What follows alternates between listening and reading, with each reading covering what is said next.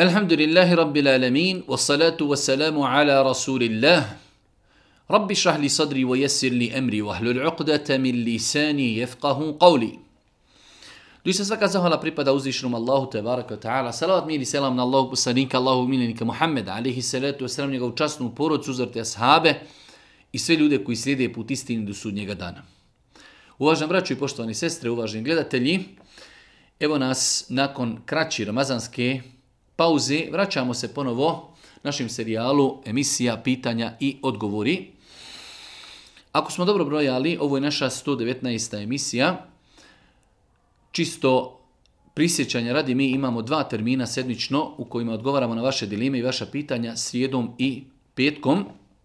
Pokušavamo da odgovorimo na što veći broj pitanja koja su prvi put postavljena, pošto je, postoje dosta pitanja koja se postavljaju, a koja su već nekada e, odgovorena, odnosno na njih je dat odgovor. S druge strane, doista je mnogo, ali baš mnogo e-mailova koji pristižu na našu adresu e, preko 4, a i možda 5000 mailova na koje još nismo uspjeli odgovoriti.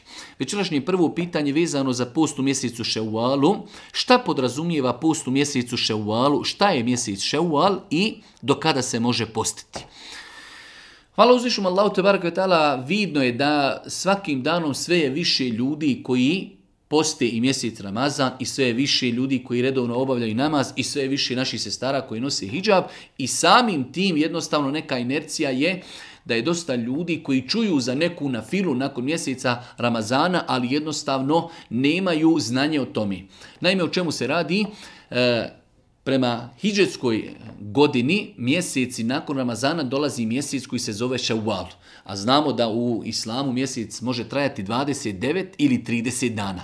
Znači od Bajrama, prvi dan je zabranjeno postiti, već od drugog dana, naredni 27, 28 dana imamo mogućnost da postimo jednu posebnu na filu. Allah poslanik ali se letu sam izrekao vjerodostojna hadise u kojima stoji da onaj ko isposti mjesec Ramazan nakon toga posti u mjesecu Ševalu šest dana, kao da je postio cijelu godinu. Ima takvu nagradu kao da je postio cijelu godinu. Zato e, i jeste, e, da kažemo, tolika priča oko te nagrade, zato što je doista to jedna velika e, nagrada i idealna prilika Šest dana uopšte nije mnogo, ako bi uzeli da sedmično postimo samo po dva dana, E, ponedjeljak i četvrtak, subotu i nedjelju. Uglavnom, za mjesec dana, ako Bog da, e, za četiri sedmice mi ćemo to riješiti i prije završetka mjeseca Ševala. E, ono što možemo rezimirati i kazati, mjesec koji dolazi nakon Ramazana zove se Ševal, prvi dan Bajrama je zabranjeno postiti, već od drugog dana možemo postiti.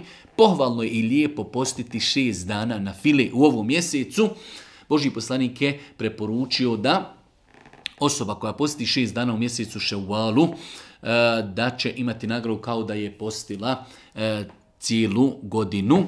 Otprilike i po ovom našem kalendaru negdje do 18. E, 19. maja se može postiti. Do tada traje mjesec Čeval za one koji ne znaju kada počinje i kada završava hijđetski mjesec. Drugo pitanje opet vezano za e, mjesec Ševal, nagrada za po Ševal, šest dana u Ševalu. Da li su hadisi o tome vjerodostojni? Pitanje je da li su hadisi u kojima se objećava nagrada e, vrijednosti posta šest dana u mjesecu Ševalu, da li su ti hadisi vjerodostojni? E, prva stvar treba da znamo da hadis o tome bilježi ima muslim, Eh, od Ebu Ejuba el Ensarija, da je Allah poslanik alaih salatu wasalam kazao, onaj ko posti mjesec Ramazan, a zatim to poprati sa postom šest dana u mjesecu Ševalu, kao da je postio cijelu godinu. Znači, hadis o tome bilježi imam muslim. Samim tim, kao eh, muslimani iz opće mase, nama je to dovoljno. Da, bio je dio učenjaka koji je prigovorio ovoj predaji kod imama muslima, ali eh, Prva stvar, ona je zabilježena kod imama muslima i ne treba se više optrećavati oko vjerodostojnosti, ali s druge strane ovaj hadis su zabilježili i, i drugi e, hadijski autoriteti sa drugim lancima, tako da Allah najbolje zna ovo je, ako Bog da vjerodostojan hadis i e, ovo je e, vjerodostojna nagrada da insan koji posti nakon Ramazana šest dana u mjesecu Ševalu, u mjesecu koji dolazi nakon Ramazana, da ima nagradu kao da je postio cijelu godinu, tako da se ne treba mnogo opterećavati. E, tim, ajde da kažemo, e, govorom ljudi na društvenim mrežama, jesu li hadisi vjerodostojni ili nisu, e, hadisi o tome su zabilježeni kod imama muslima, a postoje i druge predaje u drugim hadijskim zbirkama, ako bi prihvatili činjenicu e, da hadis kod imama muslima i ima određene slabosti, on je pojačan drugim predajama, i drugim hadisima, tako da uz Allahu subhanahu wa pomoć nema nikakve sumlje u vjerodostojnost ovi nagradi. Treće pitanje, pitanje koje nam se veoma često postavlja vezano je za šest dana postu, šest dana mjesec ševalu, jeste da li čovjek može spojiti dvije namjere u jednom postu, pa primjer radi da posti ponedjeljak i četvrtak, a da time namjerava i šest dana od ševala.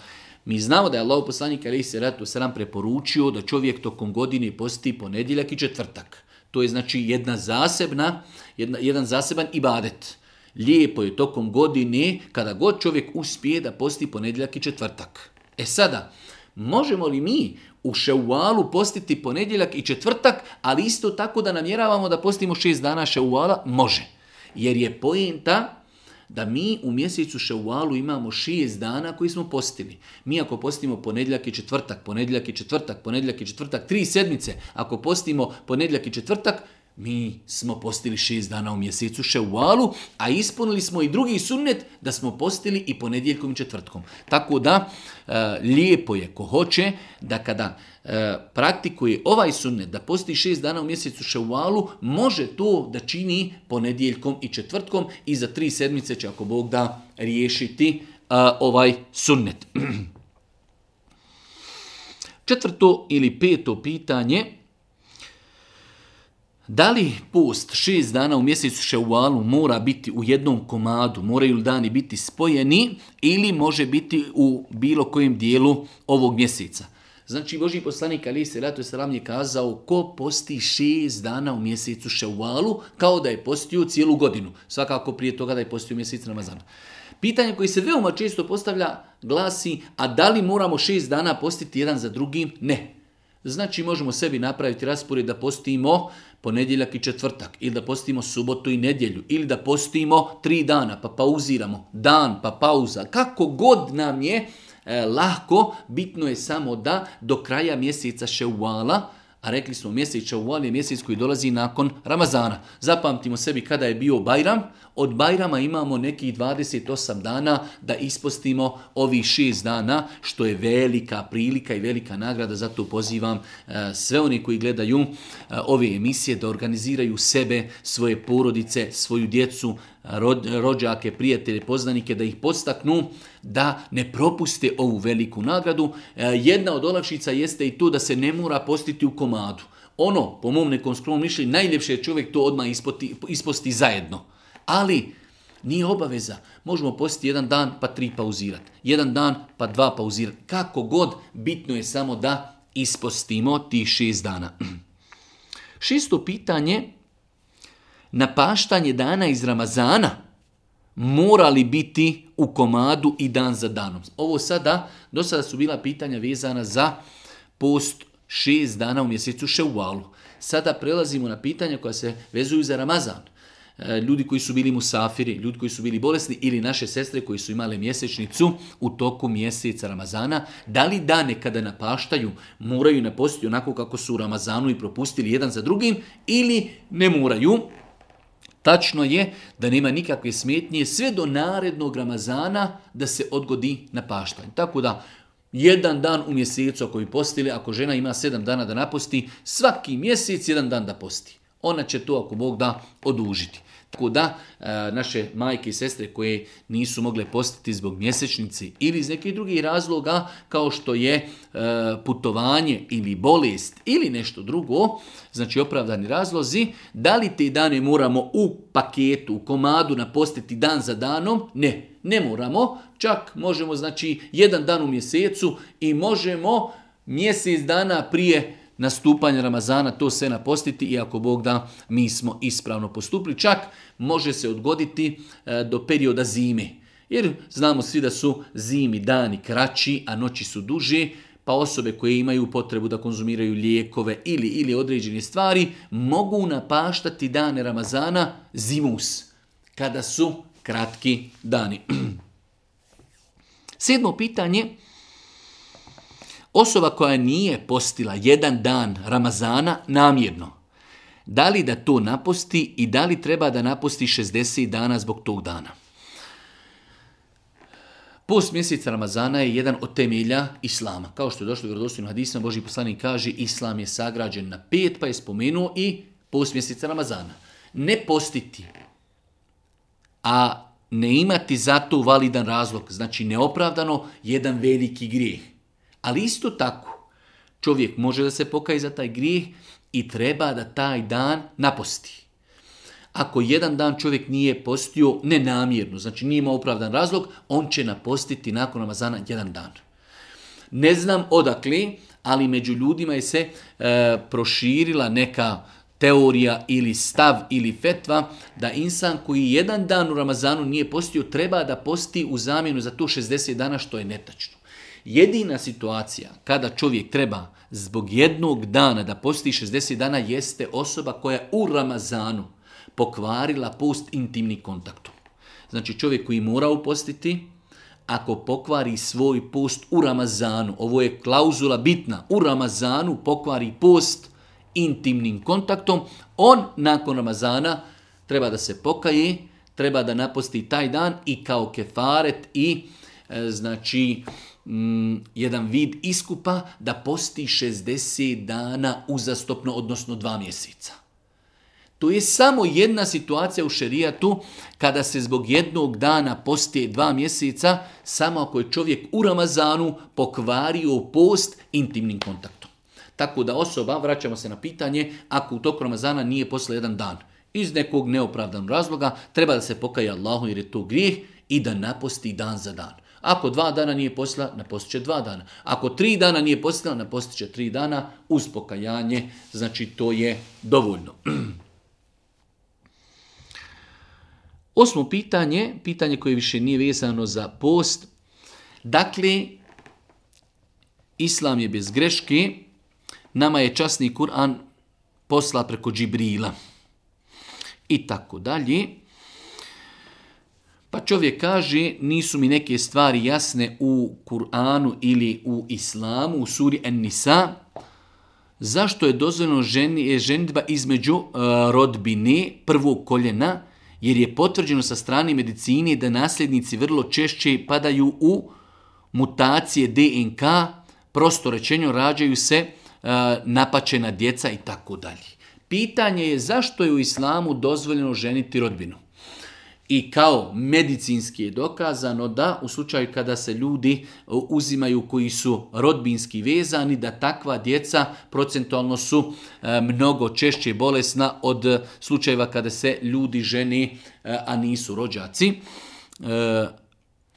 Mora da znamo da je Kur'an od uzvišnog Allaha te on je sveznajući, ono što je dozvoljeno u islamu ne smije biti upitno ne može islam, ne može nauka potvrđivati govor uzvišenog Allaha. Šta ako sutra dođe druga nauka i druga, da kažemo, znanost koja će reći ne, evo sada je procentualno dokazano da ljudi kada se ženi sa osobom koje nisu rodbine, procentualno oni više puta se dešavaju njihova djeca da imaju problema i tako dalje. Tako da mi muslimani Zaustavljamo se kod onoga što je objavio uzvišeni Allah. Imamo osobe koji su spomenuti u Kur'anu koje je zabranjeno da se ženi. Sve mimo toga je dozvoljeno. Da li će neko ženiti rodicu ili ne, to je druga stvar.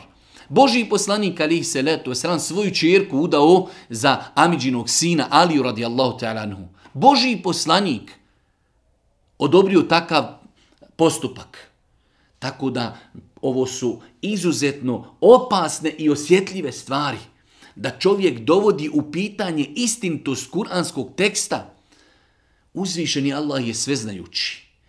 Ono što je dozvolio ljudima, u tome je i dobro i prosperitet. Ono što je zabranio, u tome je loše, makar mi to i ne satili. Tako da ne treba se poigravati sa određenim E, statistikama ili sa određenim dostignućima medicini. Uvijek se prednost daje Allahovom govoru. Uvijek se daje prednost Allahovom govoru. Da li je medicina ili neka nauka dala finalnu riječ, da li su završili istraživanje, da li postoji mogućnost da se promijeni, apsolutno da. Tako da, znači, ako je uzvišeni Allah subhanahu wa ta'ala dozvolio, a to je samo dozvolio. Nama nije naređeno da moramo ženiti nekoga ko nam je rodbina, ali je dozvoljeno.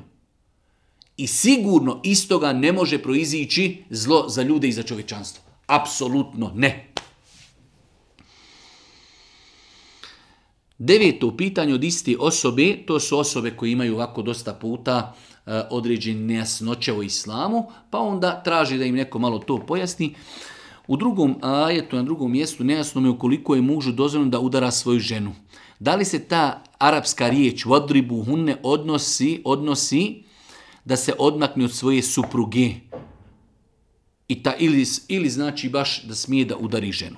Uzviši Allah subhanahu opet vraćamo se, stvorio je čovjeka i stvorio je ženu.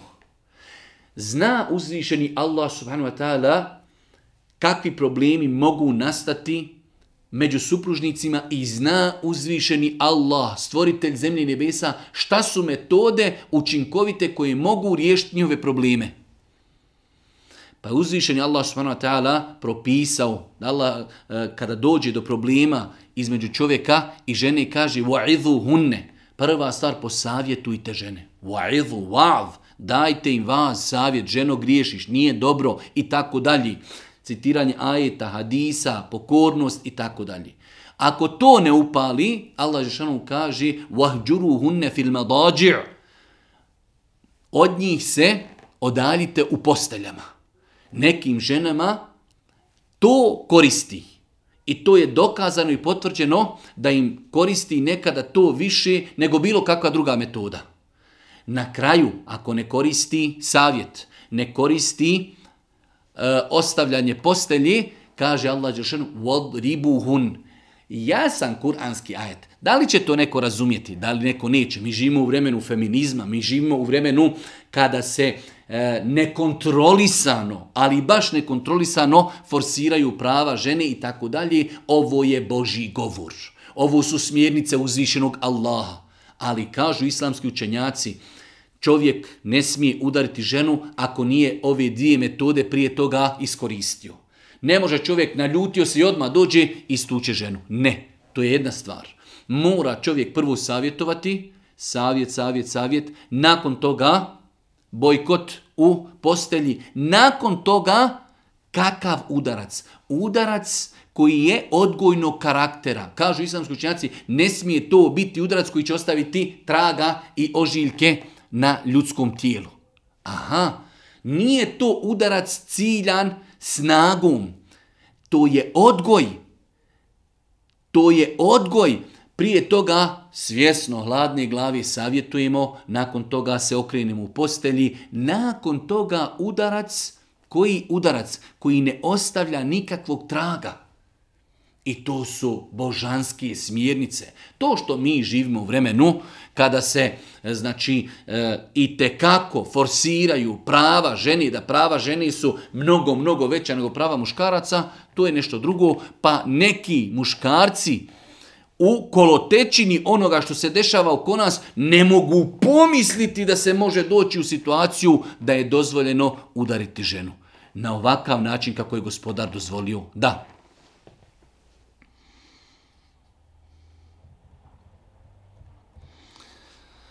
Ovih dana sam u velikom iskušenju, nalazi su pokazali da mi je muž skoro sterilan i da je nemoguće imati djecu. Da li je grijeh uzeti od nekoga drugoga muškarca spermu pa da se žena oplodi i tako dalje, pojašnjenje, e, ovo je apsolutno zabranjeno. Znači imamo situaciju da čovjek živi sa suprugom i ne mogu imati djeci. Dokazano da je problem kod muškarca. Pitanje je da li žena može uzeti spermu od nekog drugog muškarca da dođe do oplodnje i da se to vodi njihovo dijete. Apsolutno haram, apsolutno zabranjeno. To dijete je onog čovjeka od koga je uzeta sperma. Tako da, znači, ne smiju se muslimani poigravati sa ovim pitanjima. Islamski učenjaci su dozvolili tjelesnu oplodnju, ali samo pod uvjetom da mora biti oplodnja između spermi, tečnosti muškarca i jajnih ćelija ženi.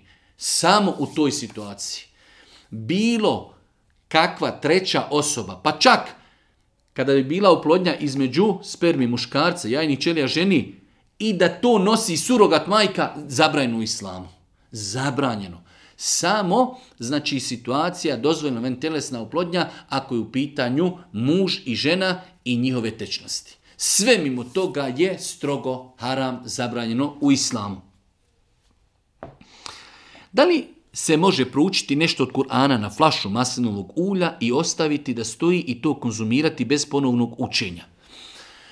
Jedna od metoda koja, koju su dozvolili islamski učenjaci jeste i učenje Kur'ana na vodu, na hranu ili na tečnosti kao što su ulje, zemzem i tako dalje. Tako da e, zbog beričeta i blagoslova Kur'ana nema smetnje da čovjek uzme flašu ulja, iznad te flaše ulja prouči nešto od Kur'ana, šta god želi, ajetul kursi, e, fatihu, kul audhu bi rabbil kul audhu bi nas, bilo šta od Kur'ana, znači da uči iznad flaše i nakon toga da konzumira to ulje ili zemzem ili vodu ili čak i hranu, sve je to uz Allahu s.w.t. pomoć dozvoljeno. Nema ako Bog da nikakve smetnji.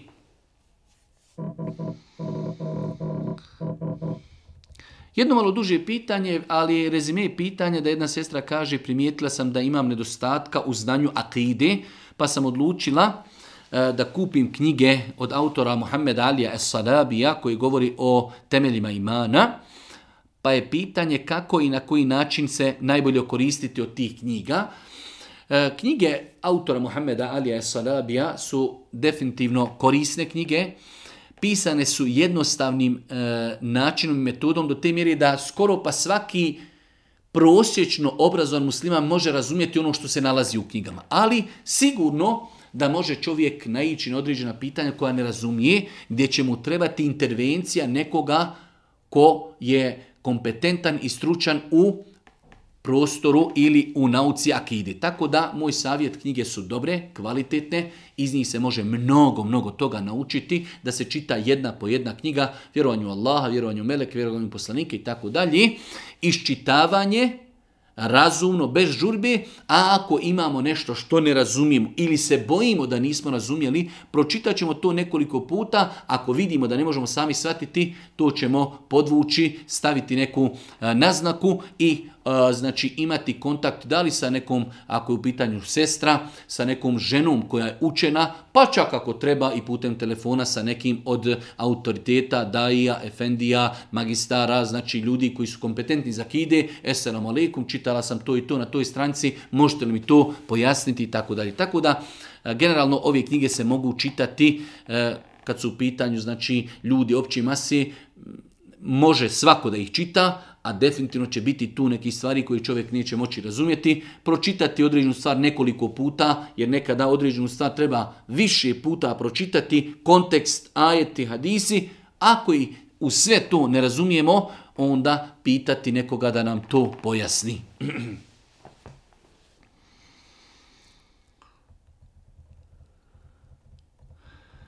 svakom slučaju, 13. pitanje, moja supruga izgubila oca u proteklom ratu i tako dalje. sada je pitanje kako razumijeti kuranski ajte gdje Allah Đeršanu kaže nemojte misliti za one koji su na njegovom putu poginuli da su mrtvi. Oni su živi, ali vi to ne znate.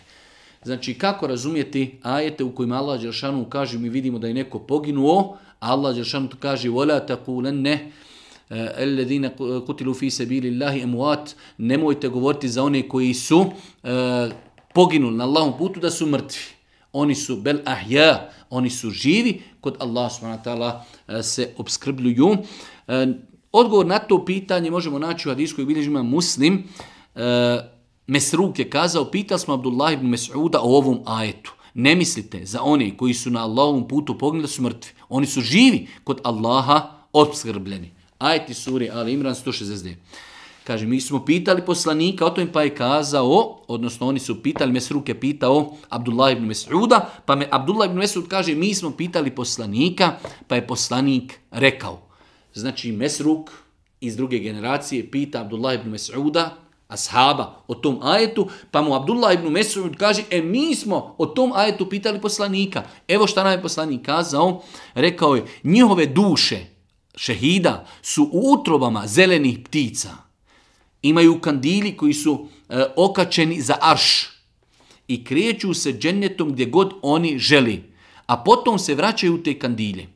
Njihov gospodar im se ukazuje, upita ih da li nešto želite. On im odgovori šta da želimo kada se Slobodno krećemo po džennetu gdje god poželimo. Gospodari ih to uputa, upita tri puta.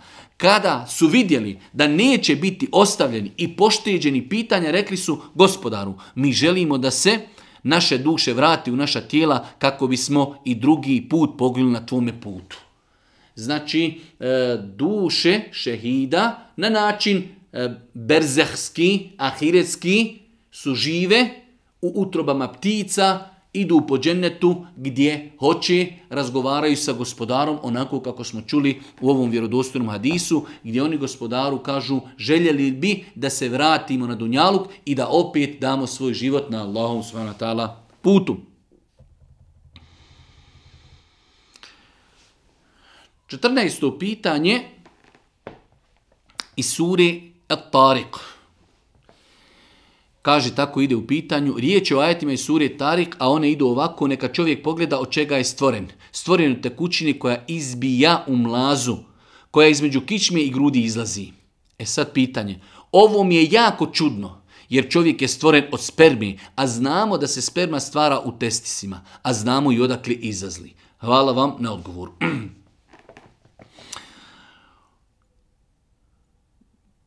moramo postaviti temelje, a temelji su da je Kur'an Allahov govor. Kur'an je apsolutno istina. Da li ćete naći ashaba koji postaju Božijem poslaniku ovo pitanje? I ashabi su znali kako i na koji način sperma izlazi onoliko koliko mi sad to znamo. Da li je to njima bilo nejasno? Nije im bilo nejasno zato što su vjerovali u Allahov govor bez filozofiranja. Ali evo, da uzmemo i to filozofiranje, uzmite koliko hoćete naučnih medicinskih studija koji govori baš o tome. Imate knjigu koja se zove Halqul insani bejna tibbi wal quran Stvaranje čovjeka između medicine i Kur'ana od Muellifa i autora doktora Muhammeda Alija El Bara. Poznati ših učenjak, savremeni učenjak koji dosta govori o pitanjima medicine kroz prizmu Kur'ana koji baš govori o ovom ajetu i ovaj ajet je danas medicina potvrdila baš kako je uzvišeni Allah spomenuo, evo ovdje u ovom ajetu, neka čovjek pogleda od čega je stvoren, stvoren je u tekućini koja izbija u mlazu, koja između kičme i grudi izlazi. Početak stvaranja, znači spermi i tečnosti, baš se dešava ondje kako je to Kur'an opisao. I danas je to nauka i medicina potvrdila, ali ja ne želim uopšte da govorim o tim stvarima. Ne trebamo ljude učiti da vjeruju u Kur'anu onda kada ga potvrdi nauka. Kur'anu se vjeruje apsolutno, potvrdila ga nauka ili ne potvrdila. Nauka je ograničena. Nauka je prevrtljiva. Danas dokazuju jedno, sutra dokazuju drugo. Mi vjerujemo Allahu. To je govor uzvišenog Allaha, apsolutna istina. Omen asdaqu min Allahi haditha. Ima li neko da im istini, istinitije i tačnije, preciznije govori od Allaha? Tako da ne treba ljude učiti.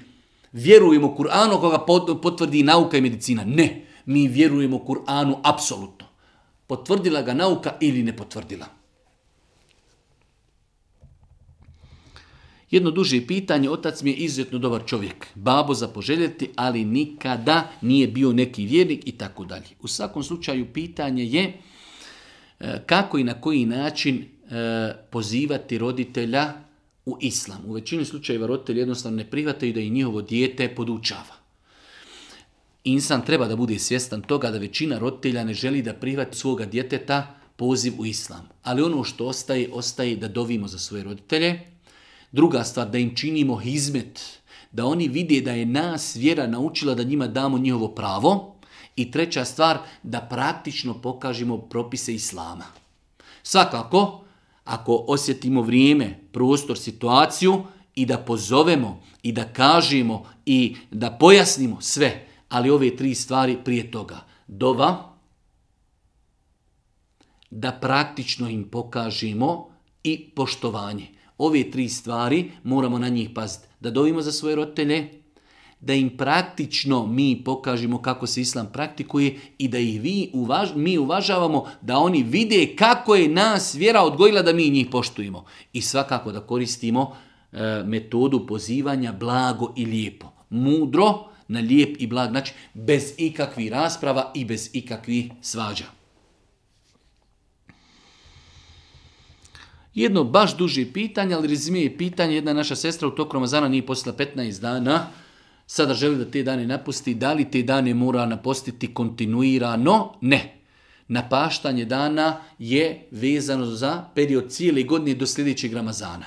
Znači 15 dana možemo i rasporediti jedan dan u mjesecu, dva dana u mjesecu kako god nama odgovara, čak više puta smo o tome govorili, nema smetnje da se napaštanje odgodi do mjeseca, do mjeseca, mjeseci i perioda zime kada su dani kraći i da se tada to naposti. Generalno, sestre naše majke koje su imale mjesečnicu ili e, postporodni e, ciklus ili period nifasa, ili ljudi koji su musafiri, ljudi bolesnici koji nisu mogli postiti, žele da to e, naposti, ne mora to biti u komadu i dan za danom, već do narednog Ramazana da to ako Bog da nadoknadi. Rodila sam sina prije pola godine i dala sam mu ime Ali. Da bi mi učene žene rekli da sam trebala dati još jedno ime, kao kratko će živjeti. Ja ne vjerujem u to. Allah najbolje zna koliko će ko živjeti, samo me zanima da li je u redu ime Ali u islamu. Da li je u redu dati djetetu ime Ali? Ali radijallahu ta'ala je zed Božijeg poslanika, jedan u četvorice halifa, jedan kom je obećan džennet, jedan od desetorice kojima je obećan džennet. I nakon toga da postavljamo pitanje da li je dozvoljno i treba li dati ime Ali, jedno od najljepših imena Ali ili Alija kod nas na, na, na kažemo našim prostorima, Ali Znači ljudi su to malo deformisali pa su rekli Alija, ali Ali je arapsko ime Zeta Božijeg poslanika Ali se letu 7. četvrtog halifi, jednog od ljudi eh, povodom koga je Allah poslanik izrekao dosta hadisa o njegovoj vrijednosti, o njegovoj ulozi u islamu, jedan od desetorice kojima je Božiji poslanik za života obećao džennet. A to što su neke učene žene rekle, to je znači E, govor o vjeri bez znanja, a govor o vjeri bez znanja je veliki, ogroman grijeh, tako da ne osvrtati se na takve nebuloze.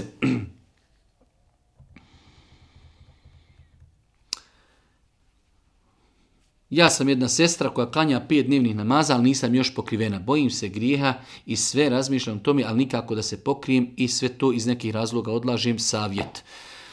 Savjet je za naše majke i sestre koje su punoljetne, klanjaju pet vakata namaza, svjesne su toga da im je uzvišeni Allah tebara ta'ala naredio eh, da kada izlaze iz kuće treba da nose hijab, da ne odgađaju eh, nošenje hijaba ili donošenje odluke o tome. Allah subhanahu je milosti prema svojim robovima. Naredio im propisao ono samo u čemu je njima korist. Tako da mi ne trebamo govoriti našim majkama i sestrama koliko ljudi respekta imaju prema ženi koja je pokrivena i na ulici, i na pijaci, i u općini, i u autobusu, na bilo kojem drugom mjestu, ljudi imaju poseban respekt prema ženama koje nosi hijab. I to će vam potvrditi svaka žena koja nosi hijab. Tako da ne treba odgađati donošenje odluke, čvrsto, radi Allaha te ta'ala, od ovog momenta donijeti odluku i pokoriti se uzvišenom Allahu.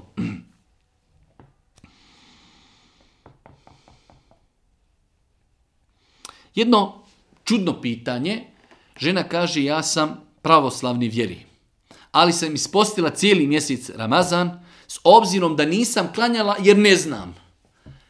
Imam veliku želju da naučim. Zanima me da li je moj post validan. Žena za sebe kaže da je pravoslavni vjeri posti. Pazite, imate muslimana ne posti. Žena pravoslavne vjere i posti i kaže ona bi i klanjala, ali ne zna da li je njen post validan. Ja se ovdje u jednu ruku bojim da ova žena je možda već i ušla u islam, ali ona ne zna. Jer žena ako želi da klanja, mora u svakom namazu kazati la ilaha illa Muhammed Rasulullah, ešhedu en la ilaha illa, ešhedu en Muhammed Rasulullah. Samim tim čovjek ulazi u islam ako to kaže iz uvjerenja. Svakako čovjek ne može biti u dvije vjere. Ne može čovjek kazati, e ja sam i musliman, a ja sam i pravoslavni vjeri. Tako da ovo je pitanje pravo, nejasno, a i teško. Ako je u pitanju čovjek nemusliman koji posti, ibadeti koji čovjek uradi, a nije još ušao u islam, nisu prihvaćeni. Meni je to teško kazati, ali duboko se nadam da ova žena je inšala već ušla u islam, ali ona možda toga i nije svjesna, ali ostaje problem da ne smije za sebe onda kazati da je pravoslavni vjeri, ona je onda već muslimanka. Ako je rekla u životu la ilah illa, Muhammed Rasulullah i zna šta sa sobom to nosi, onda za sebe treba da kaže ja sam muslimanka. Ne može čovjek biti i pravoslavni vjeri i u islamu isto vrijeme i u nekim od pitanja smo o tome govorili zbog krucijalnih razlika između islama i e, kršćanstva i pravoslavlja. Samo kada bi uzeli trojstvo, znači ne treba nikakva druga razlika, islam je derogirao sve prethodne religije, jedina, inne dina, inda Allahi, el islam, jedina prihvatljiva vjera kod Allah je islam. Možemo rezimirati ako bi nemusliman činio ibadete koji su propisani muslimanima, a nije još primio islam, ti ibadet nisu ispravni. Uvjet da bi ibadeti bili primljeni jeste da čovjek uđe u islam.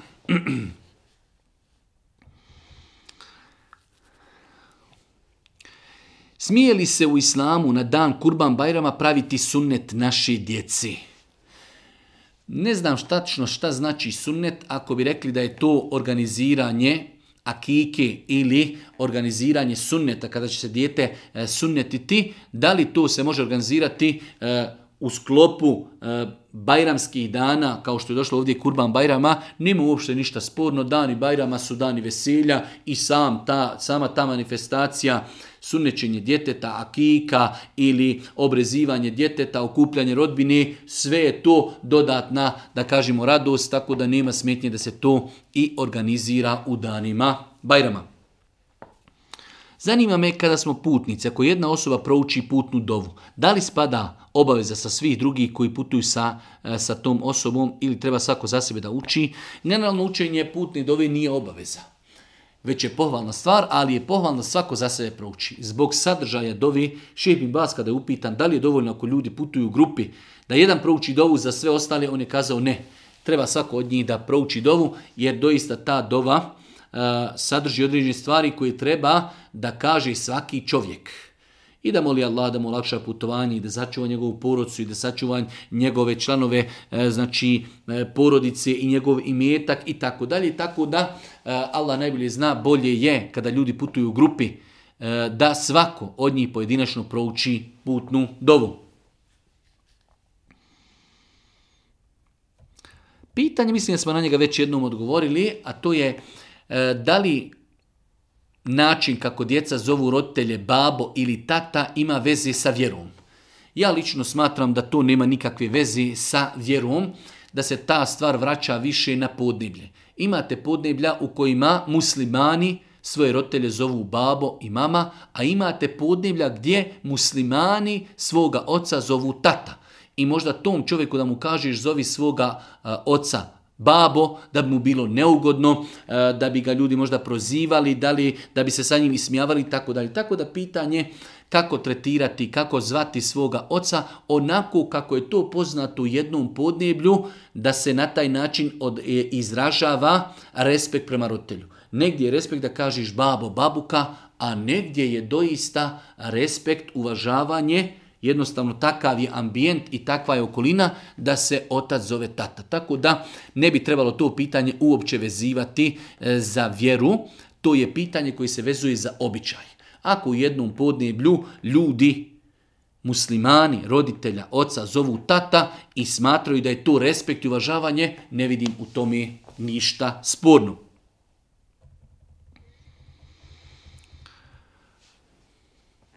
Problem je nastao na, e, narušenim odnosima moje mame i njene sestri. Kada god ja obilazim svoju tetku, mama se naljuti na mene i ne želi da mi halali i tako dalje. Kako postupiti u situaciji kada majka zabranjuje djeci da obilaze rodbinu?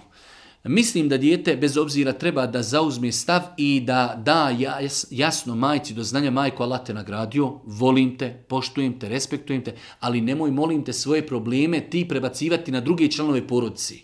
To što ti imaš problema sa svojom sestrom, možda si u pravu, ali možda i nisi.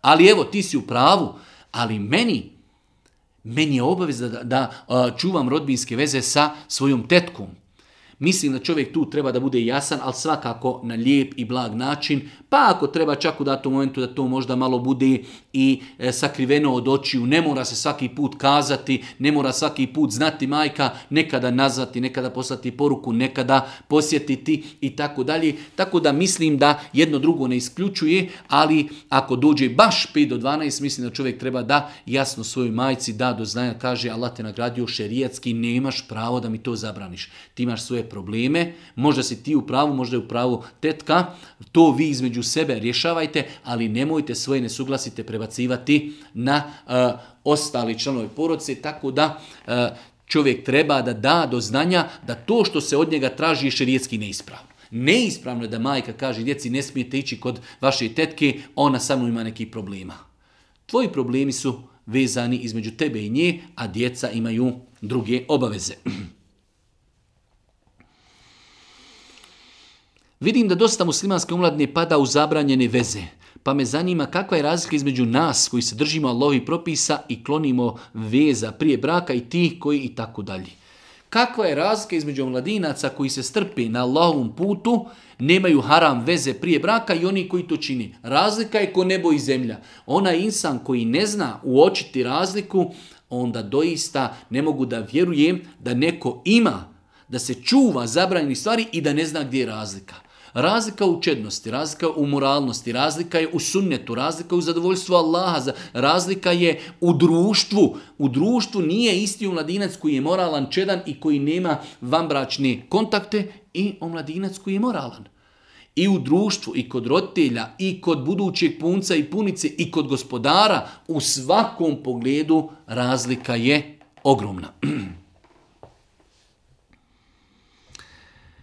Što se tiče sehvi seždi, koje je mišljenje jači? Predati selam na desnu stranu pa učiniti seždu ili nakon dove učiniti seždu? U svakom slučaju, e, kod nas se praktikuje hanefijski mezheb i oni doista e, jeste hanefijski mezheb da se sehvi sežda čini na način da e, imam preda selam na desnu stranu, nakon toga da čini sehvi seždu.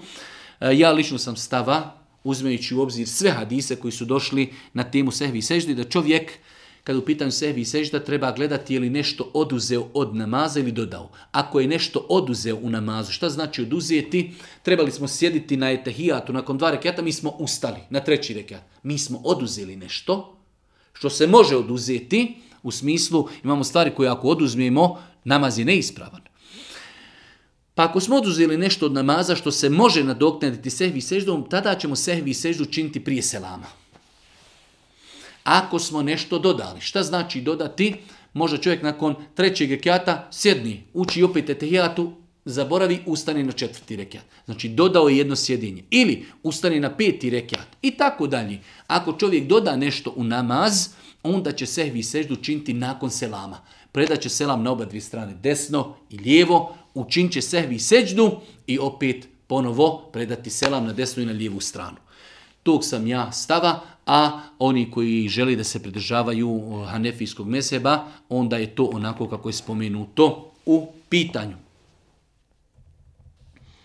Da li je haram igrati srećke, grebalice? Svaka igra u kojoj čovjek učestvuje plaća, a izhod je znači upitan ne zna se šta će dobiti. Čovjek može uzeti neku e, igru na sreću, dati pet maraka i dobiti marku. A može dobiti 100 mara, može dobiti hiljadu, može dobiti milion. Svaka igra u kojoj mi plaćamo učešće, a ne znamo šta ćemo dobiti. Možda ne dobijemo ništa, a možda dobijemo više od našeg uloga, pa čak kad bi dobili ulog kojeg smo mi dali, sve su to zabranjene kocka. Sve su to zabranjene igre, znači smatraju se u islamu kockom. Gdje god mi imamo učešće, plaćamo, ne znamo izhod koliko ćemo dobiti. Razka kad mi kupujemo, kupujemo e, hljeb, dali smo marku, dobijemo hljeb. Mi znamo pošto košta, znamo šta smo dobili kao protuuslugu. Ali kada učestvujemo u igrama na sreću, dajemo učešće marku 5, 7, 10, 20, a ne znamo šta ćemo dobiti. Klasična kocka, strogo zabranjena u islamu. 27. pitanje čovjek iz određenih razloga spominje da jedan dan nije mogao postiti u mjesecu Ramazanu, šta sada da čini? Nakon Ramazana napostiti samo taj dan. Čovjek koji jedan dan nije postio, zato što je bio bolestan, imao je određenu slabost, šta treba e, sada da uradi? Treba samo da jedan dan naposti, dan za dan, ništa više.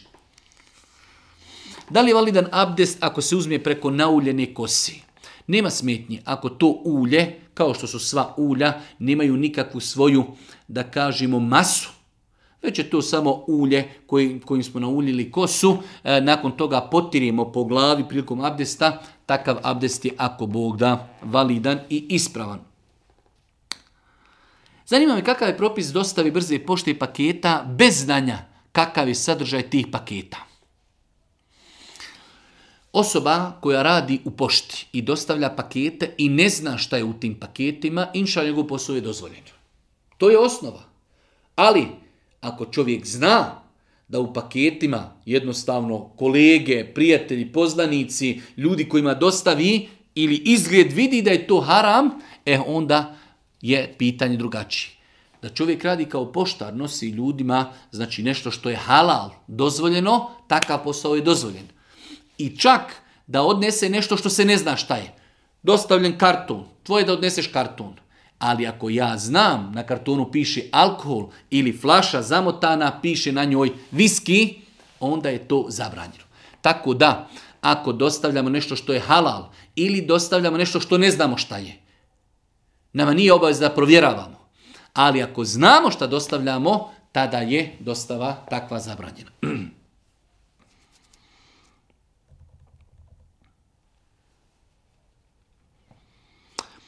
Pitanje osoba koja ima problema sa mokraćom, kap ili dvije mokraće koje kanu na donji veš. Da li mora mijenjati donji veš ili je dovoljno oprati samo mjesto gdje je kapnula mokraća? E, ispravno i tačno je da je dovoljno samo da se opere mjesto gdje je kapnula mokraća. E, hvala uzvišom Allahu, to je jedna olakšica u islamu, da čovjeku je obaveza samo opere dio koji je onečišćen. Tako kada bi rekli hlače, ako imamo kap ili dvije ili tri, da imamo na određenom dijelu hlača, uzet ćemo taj dio hlača oprati i mi šerijetski možemo klanjati. Iz higijenskih razloga da li će neko promijeniti cijeli veš ili promijeniti hlače, to je drugo. Ali s aspekta šerijeta nama je obaveza oprati ono što je pogodio ili onečistio neđase. Tako da, ako na donjem vešu imamo kap ili dvije i znamo da je to mokrača, dovoljno taj dio donjeg veša operijemo, ostali dio je čist i možemo ga nositi. Posljednje pitanje, malo čudno pitanje, ali tako je. Da li mogu da vas pitam šta znači kada tespih pukni, upravo je pukao mu mužu tespih. Da li su to neke sihre ili šta? Željela bih da mi na ovo pitanje govorite ali vas nagradio. Tespih je obično pomagalo putem kojeg ljudi broje zikr. Nema u islamu nikakvu svetost. Tespih kod tespih može biti kvalitetniji, može biti manje kvalitetniji godinama, korištenjem svakako će doći vrijeme kada će tespih puknuti, tako da to uopće ne treba vezivati ni za kakvo sujevjerje, ni kakav sihr, ni za kakav urok, pukao tespih, uzim ponovo konac, laks, zaveži, skupi i nastavi živjeti kao da se ništa nije desilo. Molim Allah subhanahu wa ta'ala da nam podari korisno znanje, molim Allah subhanahu wa ta'ala da nam bude milostiv na sudnjem danu. Na kraju subhanake Allahumma da bihamdike, ešhedu en la ilaha ilan stakfiruke, ve etubu ilik.